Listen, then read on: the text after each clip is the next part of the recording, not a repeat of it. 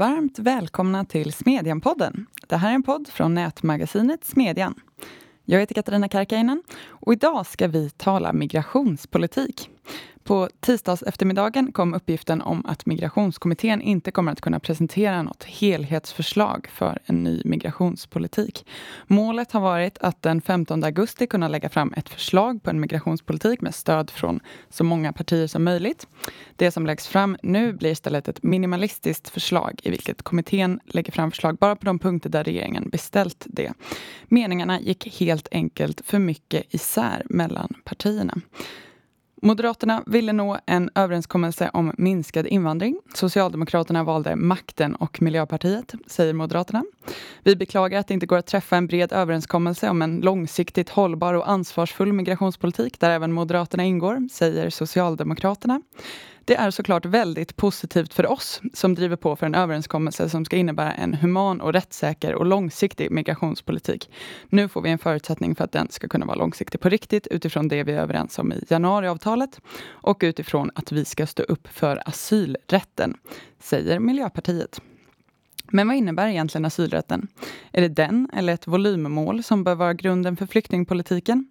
Eller skymmer egentligen de båda sikten för de avvägningar som migrationspolitiken oundvikligen innebär? Och hur ska man förstå det som har hänt i migrationssamtalen? Det ska vi prata om idag. Och för det har jag med mig tre kollegor, skulle man kunna säga. Adam Danieli, som är skribent här på Smedjan, tillika juriststudent. Hur står det till? Det är bra, tack. Vi har också med oss Caspian Rebinder, arbetsmarknadsansvarig här på Tankesmedjan Timbro och tidigare bland annat politisk sakkunnig i migrationsfrågor vid Centerpartiets riksdagskansli. Välkommen! Stort tack! Och Benjamin Dosa, ordförande för Moderata ungdomsförbundet och senare i höst tillträdande VD för Timbro. Välkommen! Tack, tack! Du får vara här på lite dubbla stolar idag, eller kanske helt enkelt som dig själv. Ja, exakt. Jag företräder mig själv. Till att börja med så vill jag fråga, är ni förvånade över att samtalen har gått i stå? Eller tycker ni att eh, det här var väntat? Nej, men jag, jag, skulle säga att jag fick ganska tydliga signaler eh, även i slutskedet att S och M ändå skulle kunna komma överens. Man ska komma ihåg att det finns ju väldigt många drivkrafter och incitament i det här. Alltså det sista Socialdemokraterna vill ha är ju en valrörelse som handlar, till viss del i alla fall, om migration. Och jag menar, nu ligger ju S på, de har väl fallit tillbaka till runt 28-29 procent. Men bara för några månader sedan låg de ju nere på typ 22-23 procent och då hade tappat enormt mycket till framförallt Sverigedemokraterna. Så att de hade ju också väldigt starka incitament att komma överens. Och min bild var ju också att Centern och Liberalerna eh, ville ju att S och M skulle komma överens. Och då är det väl egentligen eh, SD som hade de, de starkaste drivkrafterna att hoppa av, säger en del. Å andra sidan, SD har hållits utanför allt politiskt direktinflytande sedan de kom in i Sveriges riksdag. Nu får de vara med och prata och diskutera och förhandla med alla andra partier i sin viktigaste fråga. Att då hoppa av på en gång eller att på, på förhand bestämma sig för att hoppa av tror jag är en ganska dålig strategi och det har ju hela tiden funnits en risk av att de då skulle liksom uppfatta som att jaha, men då behöver man inte rösta på, på ett parti som inte ens vill sitta vid bordet. Så att jag var inte helt övertygad eh, att det faktiskt skulle bli så här. Och från din moderata synpunkt då, hur eh, ditt parti har agerat? Det kom ett antal olika förslag som Socialdemokraterna inte kunde acceptera. Ja, eller fr från mitt perspektiv Eh, så jag menar Moderaterna var väl kanske det partiet som satt med starkast kort i allt det här. Blir det en valfråga och, och sprack migrationssamtalen som de gjorde nu, ja då kan vi ta en sån fight. Och skulle man få till en bra överenskommelse som man kan skriva under på så hade ju det också varit bra. Eh, så att, eh, det har väl varit medskicket till de som har suttit, eh, Tobias Billström och Maria Malmer Steneram, att, att hela tiden eh, helt enkelt eh, för, liksom inse att det är vi som sitter med, med korten. Mm. Mm. I stå gick samtalen en dock och vi ska naturligtvis prata en del om vad som kommer att hända nu. Men egentligen skulle jag vilja att vi börjar i den andra änden och ägnar en del tid åt att ja, men försöka bringa klarhet i vilka principer som har varit vägledande i svensk flykting och migrationspolitik och kanske hur de reella avvägningarna ser ut, hur vi skulle vilja att de ser ut. En av de principer som hänvisas till i debatten är asylrätten. Det är samtidigt ett sånt där begrepp som har börjat ifrågasättas eller åtminstone vridas och vändas på efter att ha varit väldigt vedertaget i debatten länge. Och det här har ju du Adam skrivit en eh, text om i Smedjan. Rubriken Asylrätten är nästa heliga ko att slakta kanske vittnar en del om inriktningen så att säga. Men vad är det för tes som du driver? Eh, ja, den här texten grundar sig väl egentligen i en frustration som jag tror att många har känt eh, kring migrationspolitiken under de senaste åren och den oviljan som finns att, att faktiskt redovisa de ingångsvärden och de prioriteringar som, som de olika partierna haft. Vi har allt sedan 2015 konstant duckat för de lite större frågorna och det har varit väldigt mycket hänvisningar till ja, men ord som Eh, asylrätt och olika målsättningar och, och, och, sådär. Men man har hela tiden undgått att faktiskt gå in på de, i alla fall i den, den eh, offentliga debatten, gå in på de, de, stora avvägningar som finns i migrationspolitiken och de helt olika sätt som man skulle kunna utforma en politik för. Det har blivit lite så här att vi har en politik som, som ingen riktigt kan förklara varför den blir som den blir ibland. Um, och det här tror jag har gjort det till det kanske sämst fungerande politiska området i, i, i Sverige. Eh, vi, vi är vanligtvis ganska duktiga i Sverige på att, att komma med reformer och bygga system och, och, ändra saker när det inte fungerar. Men här har det helt gått i stå eftersom man bara har, har stångats med, med, vissa, med vissa begrepp. Eh, och som rubriken antyder så, så är ju asylrätten kanske den heliga ko som Alltså det börjar bli dags att, att, slakta helt enkelt för att det är väldigt få som vet vad det faktiskt innebär och det finns en, en väldigt missförstånd. Eh, det, det, är så att säga ett begrepp som kan inrymma alla politiska åsikter just nu. Eh, jag, jag kollade igenom lite, lite debattartiklar tidigare och alla partier inför de här samtalen hävdar ju att man uppfyller det som asylrätten kräver. Och, och i, i, sak är det ju faktiskt korrekt men jag tror inte att det är det som väljarna uppfattar när, när Miljöpartiet till exempel då pratar om att det ska vara utgångspunkten i politiken. De menar ju uppenbarligen någonting annat. Så att just begreppet asylrätten är kanske den största boven till att vi har en så dålig fungerande asylpolitik eftersom att den är mycket, mycket mer begränsad. Det finns ett internationellt ramverk kring hur vi ska hantera eh, migrationen men det är väldigt, väldigt vagt och, och det är till syvende och sist upp till svenska politiker att ta de här jättejobbiga besluten som, som asylrätten kommer att, kommer att innebära. Eh, den internationella asylrätten som juridisk princip handlar ju mer om liksom definitioner och vissa, vissa ramverk. Den kan ju inte berätta för oss hur vi ska utforma vår politik och det känns ibland som att, att den kan det. Eh, om man, om man lyssnar på framförallt kanske Miljöpartiets företrädare i det här. Håller ni andra med om det här? Migrationspolitiken har varit höljt i dunkel, bland annat på grund av det här begreppet.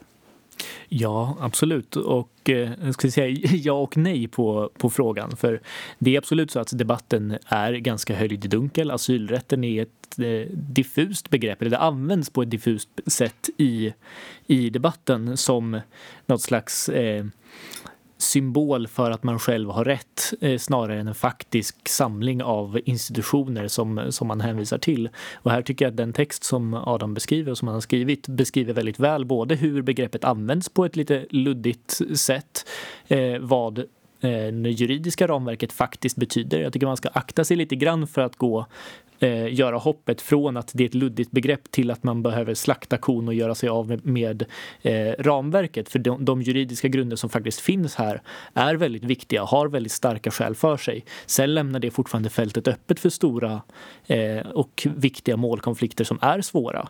Och eh, jag tror inte att vägen framåt är att byta ut asylrätten mot ett annat luddigt eh, symbolord som till exempel eh, volymmål eller liknande som inte heller säger någonting om hur politiken bedrivs i verkligheten.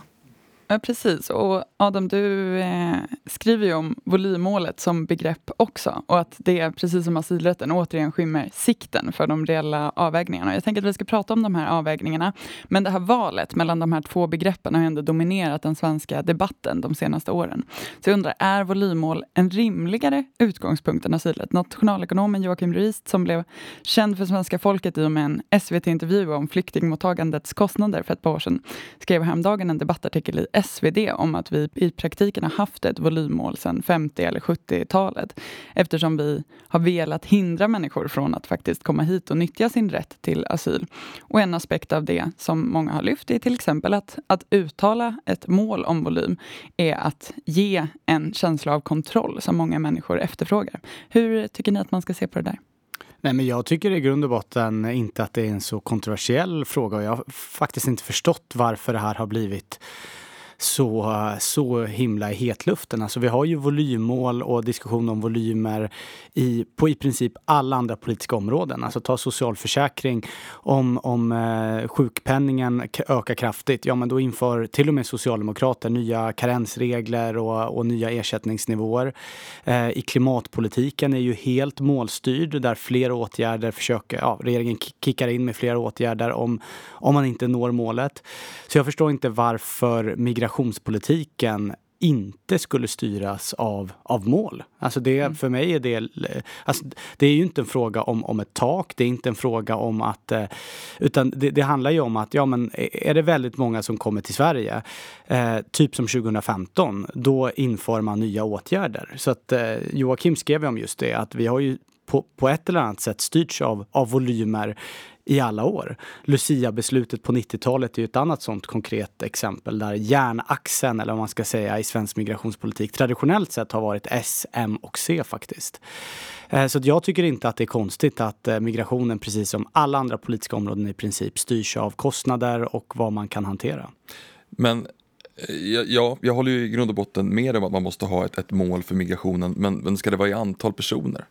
Man skulle kunna ha mål på väldigt många andra områden, vilka som kommer och, och, och, eh, och sådär. Så jag menar, det här volymmålet, det är lite att äta kakan och ha den kvar. Jag förstår att det är ett väldigt tacksamt politiskt budskap att säga att det eh, det ger ju intrycket, som du sa Katarina, att, att eh, man har kontroll över egna, över egna territoriet så att säga. Men det kan ju fyllas med väldigt mycket olika innehåll och, och jag menar tio personer som har precis samma volymmål kan ju avse väldigt många olika saker med migrationspolitiken. Så att, att 10 000 asylsökande till exempel då skulle komma, att vi har det som mål och att vi ska justera de här incitamentstrukturerna efter det. Det kan ju betyda väldigt många olika saker beroende på, på vilka det är som kommer och, och framförallt om man ser på integrationsfrågan så är ju antal kanske en av flera viktiga parametrar. Det är, väl, det är minst lika viktigt vilka människor det det är som kommer. Så jag, jag köper att vi ska ha ett volymmål men att, att ha det som linje, det räcker liksom inte utan vi måste fylla det med, med innehåll. Vilka är det som ska komma till Sverige? Vad är grunderna? Vilka, vilka kostnadsavvägningar är det man, man faktiskt vill göra? Så jag, jag delar din, din ingång att, att det är klart man ska ha ett mål för politiken men det ska, borde ju kompletteras med ja, men, äh, mål på andra områden helt enkelt. Om vi försöker börja från en mer neutral punkt, ett blankt papper istället. Då. Vad är skalan som den flyktingpolitiska debatten borde röra sig på? I alla politiska frågor så finns det ju, som du är inne på, de här liksom, idealen och principerna som man sen på olika sätt måste väga mot varandra. Det finns olika nyttor och kostnader med, med alla förslag. Är det liksom situationen som uppstår i Sverige med de svårigheterna kontra läget i hela omvärlden och vårt ansvar eh, för det som är linjen som vi rör oss på? Eller borde det vara någonting helt annat?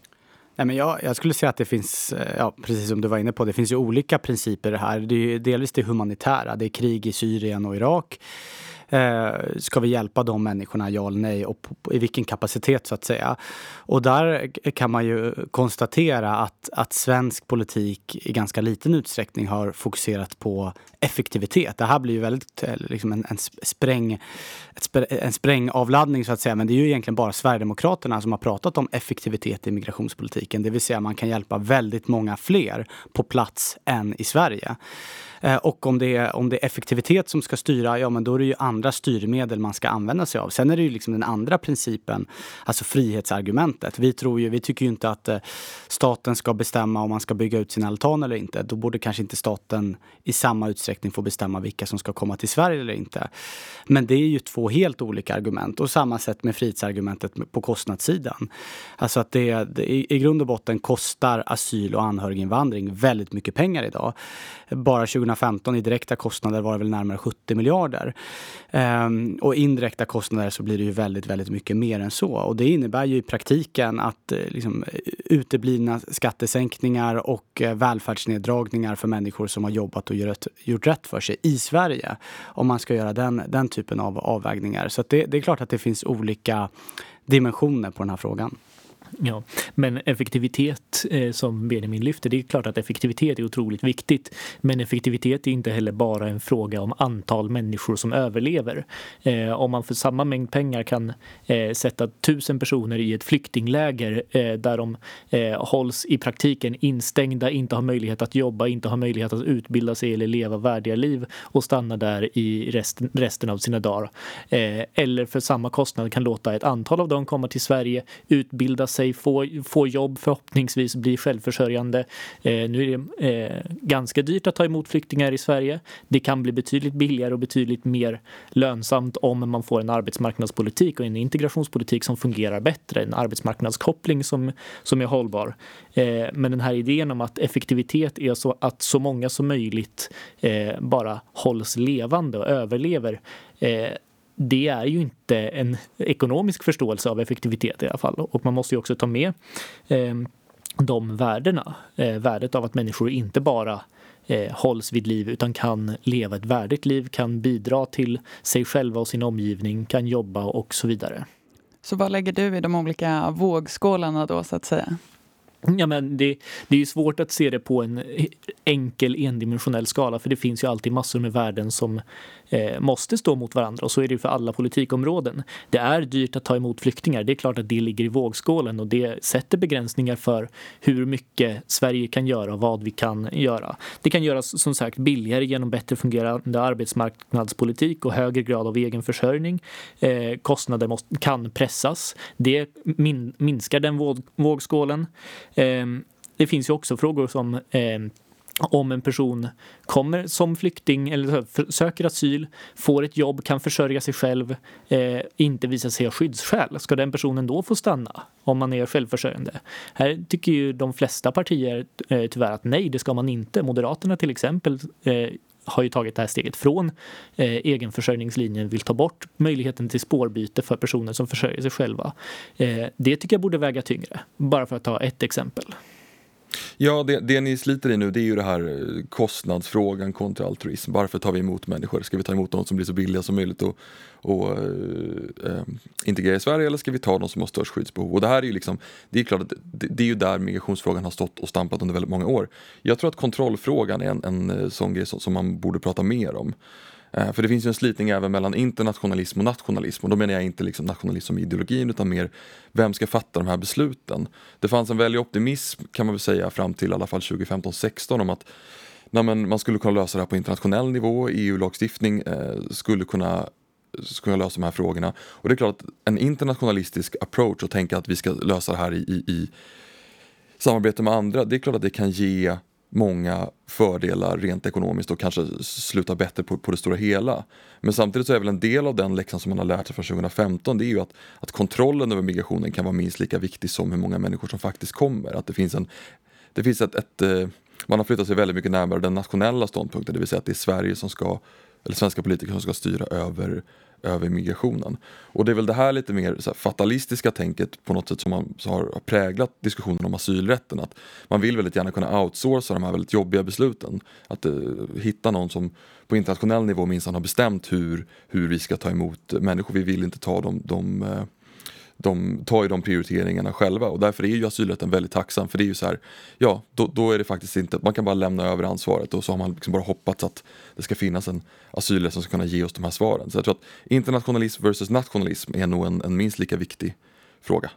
Och för att bygga vidare på det, en sak jag kan bli väldigt frustrerad över i migrationsfrågan är ju liksom ensidigheten. Alltså att om man är för en reglerad asyl och anhöriginvandring, då är man konservativ och nationalist. Medans, jag menar, man kan ju lika gärna, det kan ju vara, vara med minst lika mycket liberala argument för att man vill ha sänkt skatt, till exempel, som man vill ha en reglerad asyl och anhöriginvandring. Till exempel, jag eh, kan ju tycka att vi ska ha reglerad asyl och anhöriginvandring, men jag vill eh, samtidigt också utöka, och det kanske inte så så genomförbart nästa år. Men liksom utöka typ Schengen till eh, Japan, Sydkorea, USA, Kanada. Alltså man kan vara för fri rörlighet och samtidigt ha en begränsad restriktiv asyl och anhöriginvandring. Eh, så att det Eh, just den ensidigheten att antingen så är man för helt fri asyl och anhöriginvandring. Eh, ja, ni, ni, har ju själva hört den, den typen av argument. Så att, och, och, å andra sidan så finns det ju konservativa krafter som tycker att liksom, Sverige ska, ska sluta sig och vi ska absolut inte ha utbyten med med andra länder bara för att man är för en restriktiv migrationspolitik. Så det finns en enorm ensidighet i det här. Mm. Så om vi ska försöka ha ett eh, mer intellektuellt och nyanserat samtal här så undrar jag fortfarande utifrån då eh, till exempel avvägningen mellan situationen som uppstår i Sverige som eh, vi ja, men bland annat ser idag, framförallt efter 2015 som är liksom allvarlig på sina håll eh, kontra läget i omvärlden som också fortfarande eh, är väldigt svårt.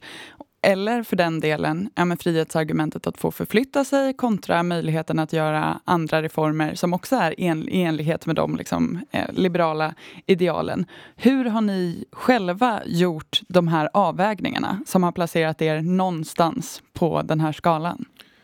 Ja, eh, man måste väl någonstans börja i målbilden på något sätt. Om, om man skulle kunna utforma en, en optimal migrationspolitik, migrationspolitik, vad skulle vara de målen som man skulle utvärdera en sån utifrån? För idag så känns det som att det, det, man sätter ett mål i antalet människor och sen så eh, visar det sig att det kommer hit helt fel människor och kan man tycka och så vet man inte riktigt hur man ska, ska utvärdera situationen och, och, göra eh, och fatta ett bättre beslut. Så jag tror att kontrollaspekten är ett sånt mål som man bör ha. Eh, det bör även finnas en transparens kring vilka man tar emot. Dagens regelverk är Ja, det är inte bara kortsiktigt och helt obegripligt för, för de flesta personer. Eh, det, det urholkar också all form av eh, debatt. Jag menar, gymnasielagen är ett exempel på, på, en, på ett sånt haveri. Det är inte transparent och det, det blir ingen bra migrationspolitik av, av den typen av åtgärder.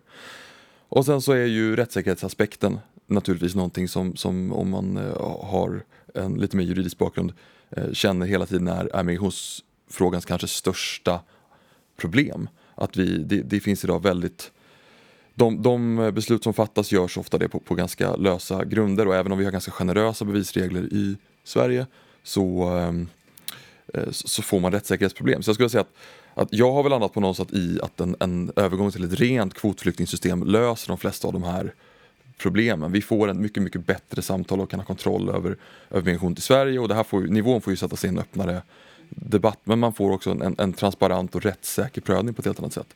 Och sen så menar jag också att, att man bör nog ha altruism som det grundläggande skälet till att vi tar emot eh, människor och att man, man sen får utforma integrationspolitiken eh, utifrån det. Eh, jag tror att det, det, är väldigt svårt att nå den här transparensen och rättssäkerheten om man på något sätt också väger in alldeles mycket av kostnadsaspekterna. Mm. Det är ganska mycket form. Eh, Caspian och Benjamin kanske kan fylla på med ännu lite mer innehåll. Nej, men jag har en invändning till att börja med och det är att den här övergången till ett kvotbaserat system som eh, många pratar om, som många drömmer om att eh, tänk om vi bara hade ett system där vi kunde välja vilka och välja hur många och då skulle det vara förutsägbart och det skulle vara rättssäkert och det skulle vara tydligt. Jättefint. Men det lämnar ju frågan helt obesvarad kring vad gör vi med människor som ändå kommer till Sverige och som har skyddsskäl. Det kommer ju finnas människor som befinner sig i Sverige som eh, inte tas emot av något annat land som det kanske har passerat igenom, som inte eh, Dublinförordningen täcker av olika skäl eh, och som vi vet kommer att eh, kanske dödas, kan, kanske torteras, förföljas av politiska skäl eller för sin sexuella läggning eller liknande i sitt hemland om vi skulle utvisa personen i fråga. Eh, om Sverige då utvisar personer ändå, då har ju staten varit medhjälpande till mord och det tycker jag att man bör undvika. Det är en ganska viktig eh, grundprincip. Och tycker man då att man inte ska utvisa den här personen, ja då står vi kvar i asylrättsfrågan. Då står vi kvar i att man måste pröva skyddsbehov och man måste ge uppehållstillstånd till vissa personer som eh, inte har plockats ut genom ett kvotsystem. Eh, jag, jag, tycker absolut att om man går över i högre utsträckning till ett kvotsystem och högre grad av förutsägbarhet, jättefint, jättebra. Eh, men man kan inte bara ducka sig förbi de här riktigt svåra frågorna. Nu är jag nyfiken. Benjamin, kan du svara på ja. hur du har gjort den här avvägningen och var någonstans på skalan det har placerat dig? Ja, men jag, jag, skulle säga att det finns ju vissa eh, som liberal rätt lågt hängande frukter. Alltså dels titta på pullfaktorerna, alltså att man ska kvalificera sig in i olika välfärdssystem. Där är det egentligen bara Moderaterna och Centerpartiet som överhuvudtaget har liksom tagit upp den typen av frågor i debatten och ännu har det inte blivit något konkret. Alltså Moderaterna och Centerpartiets mest konkreta är typ att säga, ja, men vi får att utreda, titta närmare på det här här. Man har haft några år på sig nu sedan 2015 att faktiskt titta närmare på vad exakt det är som ska, vilka rättigheter och vad, vad man ska kvalificera in sig i. Det, är väl, det har väl skett minimala steg i rätt riktning. Till exempel alltså rätt, man har begränsat rätten för retroaktiv föräldraförsäkring så att man kan komma hit med tre barn och att man kan ta ut föräldradagar för, för de här tre dagarna vilket gör att man hamnar direkt in i kanske tre, fyra års utanförskap så att säga. Det har man ju begränsat, till och med Socialdemokraterna. Men det är ju minimala förändringar. Det behövs ju mycket, mycket mer här. Och som liberal är det en ganska lågt hängande frukt. Jag tycker ju också att rent principiellt försörjningskravet också är en sån lågt hängande frukt. Alltså att det är klart att man man ska få... Är man i Sverige och man har en, en, en fru eller man i ett, i ett annat land då ska man förväntas kunna försörja den även som alternativt skyddsbehövande. Eh, men det riktigt svåra blir ju lite av det som Caspian är inne på. Alltså att om man verkligen flyr från krig och förstörelse, eh, hur, hur gör man då? Och där tycker jag ju att eh, precis återigen som på många andra politiska områden. Jag menar nu under coronadebatten pratar man ju om att prioritera i sjukvården. Och jag har sett att till exempel eh, cancerbedömningar har minskat med 30 procent för att liksom, corona har varit högst upp på agendan. Så att här tycker jag, som sagt, det finns några lågt hängande frukter för eh, principiellt som liberal. Men Sen tycker jag ju, det, det är lätt att, att, sitta som ungdomsförbundsordförande och säga ja, men principer och frihet är det viktigaste. Men när man väl sitter där och ska fatta beslut och det är människors pengar och människors liv det handlar om, då tycker jag att svensk migrationspolitik i större utsträckning måste handla om pragmatism. Mm. Jag tänker att det är så att en förutsättning för migrationspolitiken, lite oavsett om man vill det eller inte, faktiskt är hur väl olika samhällsområden fungerar i Sverige. Helt enkelt därför att vissa saker måste fungera om man eh, på längre sikt ska ha befolkningen med sig i den här frågan. Och att det är därför också som det svängde så snabbt i debatten efter hösten 2015. Det handlar ju såklart delvis kanske om att det svenska sättet att diskutera och föra politik på är väldigt konsensusinriktat. Vi har sett exempel på flera frågor där liksom är. När det svänger så svänger hela Sverige. Men också på grund av de faktiska omständigheterna, att väldigt mycket upplevdes vara på väg att gå dåligt. Och det ser vi ju konsekvenserna av fortfarande idag naturligtvis. Det har inte gått så, så värst lång tid. Så min fråga är, liksom, vid, vid vilken tidpunkt kan man vänta sig att vi borde vilja vara mer generösa igen jämfört med hur debatten ser ut idag? Det känns som att det ligger väldigt långt bort om man tittar på vissa områden som liksom skola, integration, boende, jobb, polisväsende.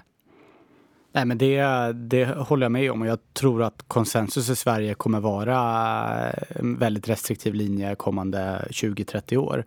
Med det sagt så kan ju väldigt mycket hända och jag menar saker, nu, nu ligger det inte kanske jättenära till hands men ponera att något skulle hända i säg Baltikum i Ryssland, eh, då skulle det snabbt kunna, kunna skifta. Eh, och att man, man snabbt skulle vara en, för en mycket mer öppen linje. Nu är det i och för sig EU-länder så det är ju en helt annan sak. Men min poäng är att det, det kan snabbt skifta beroende på vad som händer i vårt närområde också beroende på hur man ställer frågan. Och här ska man ju komma ihåg om man tittar på eh, opinionen kring migration så Eh, frågar man om Sverige ska ta emot fler eller färre asylsökande så vill en stor majoritet att det ska vara färre.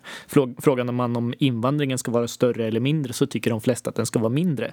Men om man å andra sidan frågar om barn som har vistats länge i Sverige och lärt sig språket ska få stanna så tycker en jättestor majoritet att de ska få det, vilket de alltså inte får idag i regel. Frågar man om svårt sjuka ska få stanna eller om barn och föräldrar ska få återförenas i Sverige så tycker en stor majoritet även det, eh, vilket inte heller är tillåtet idag. Eh, så den övergripande tendensen här är att folk vill ju ha en generös politik men få invandrare och det är ju en svår politisk nöt att knäcka. Eh, ganska lik att folk vill ha låga skatter och stora offentliga utgifter, också knepigt. Eh, så det, det, man ska inte förenkla det och säga att det finns en stark majoritet för en restriktiv politik för det beror väldigt mycket på hur man ställer frågan eh, och i slutändan så får, måste det ju bli på något sätt en, den representativa demokratins uppgift att väga de här olika intressena mot varandra, hitta principer och system och institutioner som är, ja, kanske inte nödvändigtvis långsiktigt hållbara men ändå hållbara i stunden. Långsiktigheten får väl visa sig över tid. Mm. Eh, ja, det du, det du fiskar lite efter är ju den humanitära grunden som man enligt januariavtalet har sagt att man ska driva. Inte att man ska införa, utan man ska driva den. eh, sådär. Jag, jag tror väl kanske att Öret ligger väldigt mycket i våra egna händer. Eh, blir det fler tillfälliga lagar och vi inte kommer överens om, om någon långsiktigt hållbar politik då tror jag att man, eh, man inte över på ganska många år kommer att, att få till en politik som är mer generös eller vad man ska beskriva den som eh, om man jämför idag. Och framförallt så, så är det väl integrationsområdet där man inte riktigt kan komma till skott. Vi har inte gjort någon större integrationsreform i Sverige på, på ett decennium. Och ja, jag tror att det, det är där som stötestenen ligger. Mm. Jag tänker att om, om, en hel del av liksom narrativet ändå eh, på en stor del av den politiska skalan nu är att vi, vi ska ta hit ganska få på grund av det, framförallt på grund av det allvarliga läget som liksom Sverige befinner sig i. Varför är det då att ligga i nivå med Norge, Danmark och Finland som är målet? För det är åtminstone från Moderaternas del har man ju sagt att, att det, det, det är det man vill. Men det känns ju också som, som taget i luften och som att Sverige igen har ganska svårt att liksom ta de här principerna och sen göra en avvägning utifrån dem. Utan det är som att man vill ha en framkompromissad siffra, helst från något annat land och sen mm. bara utgå från det. Och det skulle i det här fallet innebära ett mottagande på typ 5 8 000 asylsökande per år. Varför inte noll? För vi har ju väl en värre situation än våra grannländer. Eller varför liksom inte 10 000? För vi är väl mer generösa än våra grannländer. Kan, jag tror att det handlar om att eh, det är svårt att nå noll utan att bryta mot det regelverket som finns i EU framför allt. Eh, lägger man sig på absolut minimum, eh, då innebär det, alltså absolut minimum vad, vad EU-konventioner e och regelverket tillåter, då handlar det om att man, man landar på ungefär 5-6 tusen personer. Jag tror att det är så man har mm. tänkt. Ja, det är ganska svårt att, att strama åt såklart. Eh, det finns ett, ett europeiskt regelverk, precis som du säger Benjamin. Och vi ligger ju nästan, i alla fall om man kollar på den tillfälliga lagen som, som gällde mellan 16 och 19, så låg man ju i princip på den, den miniminivå. Det var vissa regler kring anhöriginvandring där Sverige var lite mer, mer generösa. Nej, men jag tror väl i grund och botten att det handlar om att man vill outsourca det här beslutet. Vi, mm. vi låter ju ofta andra länder vara den liksom, föregångaren när vi fattar tuffa beslut i Sverige. Eh, och det är väl lätt att titta på våra grannländer. Man ska komma ihåg också att, att varken Norge eller Danmark omfattas av EU-regelverket. Eh, så att de är ju egentligen ganska, de är väl egentligen fel länder att jämföra sig mot om man vill hitta ett annat EU-land. Eh, kanske. Men, men jag tror att det, det är väl murbricka-argumentet där, att vi, vi vill inte ta den här, vi vill inte vara först helt enkelt. Ja, I praktiken handlar det ju mycket om försörjningskrav för alternativt skyddsbehövande och där Eh, det som har varit en ganska stor diskussion och debatt om i migrationssamtalen. Och där har ju många av våra grannländer, bland annat eh, Tyskland, eh, Österrike, Danmark, Norge, har ju försörjningskrav. Men det ingen har ställt frågan kring är ju, för Sverigedemokraterna säger att vi ska ha liksom återvandring eller att om vi ska ha ett volymmål ska det vara noll eller negativt. Men ingen har ju skarpt ställt frågan till Jimmie Åkesson, ja men hur, hur kan man ha det och samtidigt vara medlem i EU? Eh, fine att man säger ja men då lämnar vi EU, men det blir ju en helt annan politisk fråga i så fall. Eh, men det tycker jag att Sverigedemokraterna har sluppit undan lite för enkelt. Men det där är ju samtidigt en, en, en, att göra det lite enkelt för sig för att du har ju också outsourcat beslutet på någon annan. Man liksom använder som argument att EU vill att vi gör på ett visst sätt, alltså är din linje ohållbar Jimmie Åkesson. Alltså det finns dessutom länder inom EU som inte tar emot asylsökande alls. Det här regelsystemet håller på att omförhandlas i detta nu. Eh, man har inte kommit någonstans sedan 2017 och, och Polen tar fortfarande inte emot eh, någon av dem som de har lovat att, att, att ta emot under de senaste åren. Så jag tror att det där jag, jag, förstår att det är ett, ett, eh, väldigt tacksamt argument om man väl erkänner den internationella ordningen och EU-medlemskapet som, som allenarådande. Men man skulle ju också kunna säga att eh, det, det, är ett dåligt regelverk. Vi, vi, vill inte följa det. Eller man vill liksom, ja, om jag bara ska vara ska företräda den, den sverigedemokratiska linjen här. Det känns mer som den juridiska, men absolut. Ja. Nej, men, men även, man skulle säga det, även Polen hanterar ju de få asylsökande som, som kommer till Polen. Sen är det ju väldigt få som vill söka asyl i Polen.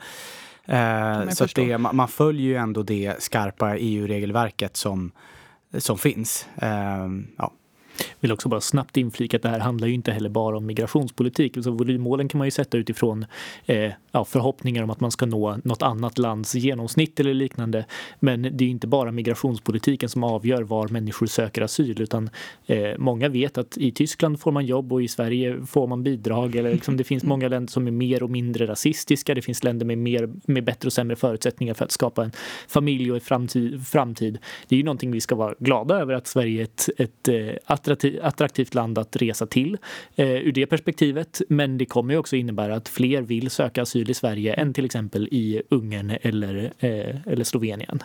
Vi behöver alldeles strax börja runda av, men jag undrar också vad kommer att hända nu? Både så att säga rent faktuellt och politiskt opinionsmässigt. Migrationskommittén ska presentera sitt mer då minimalistiska förslag som troligtvis inte kommer innebära någon stor minskning då, åtminstone inte de här nordiska eller europeiska nivåerna som Moderaterna ville. Men vad händer sen?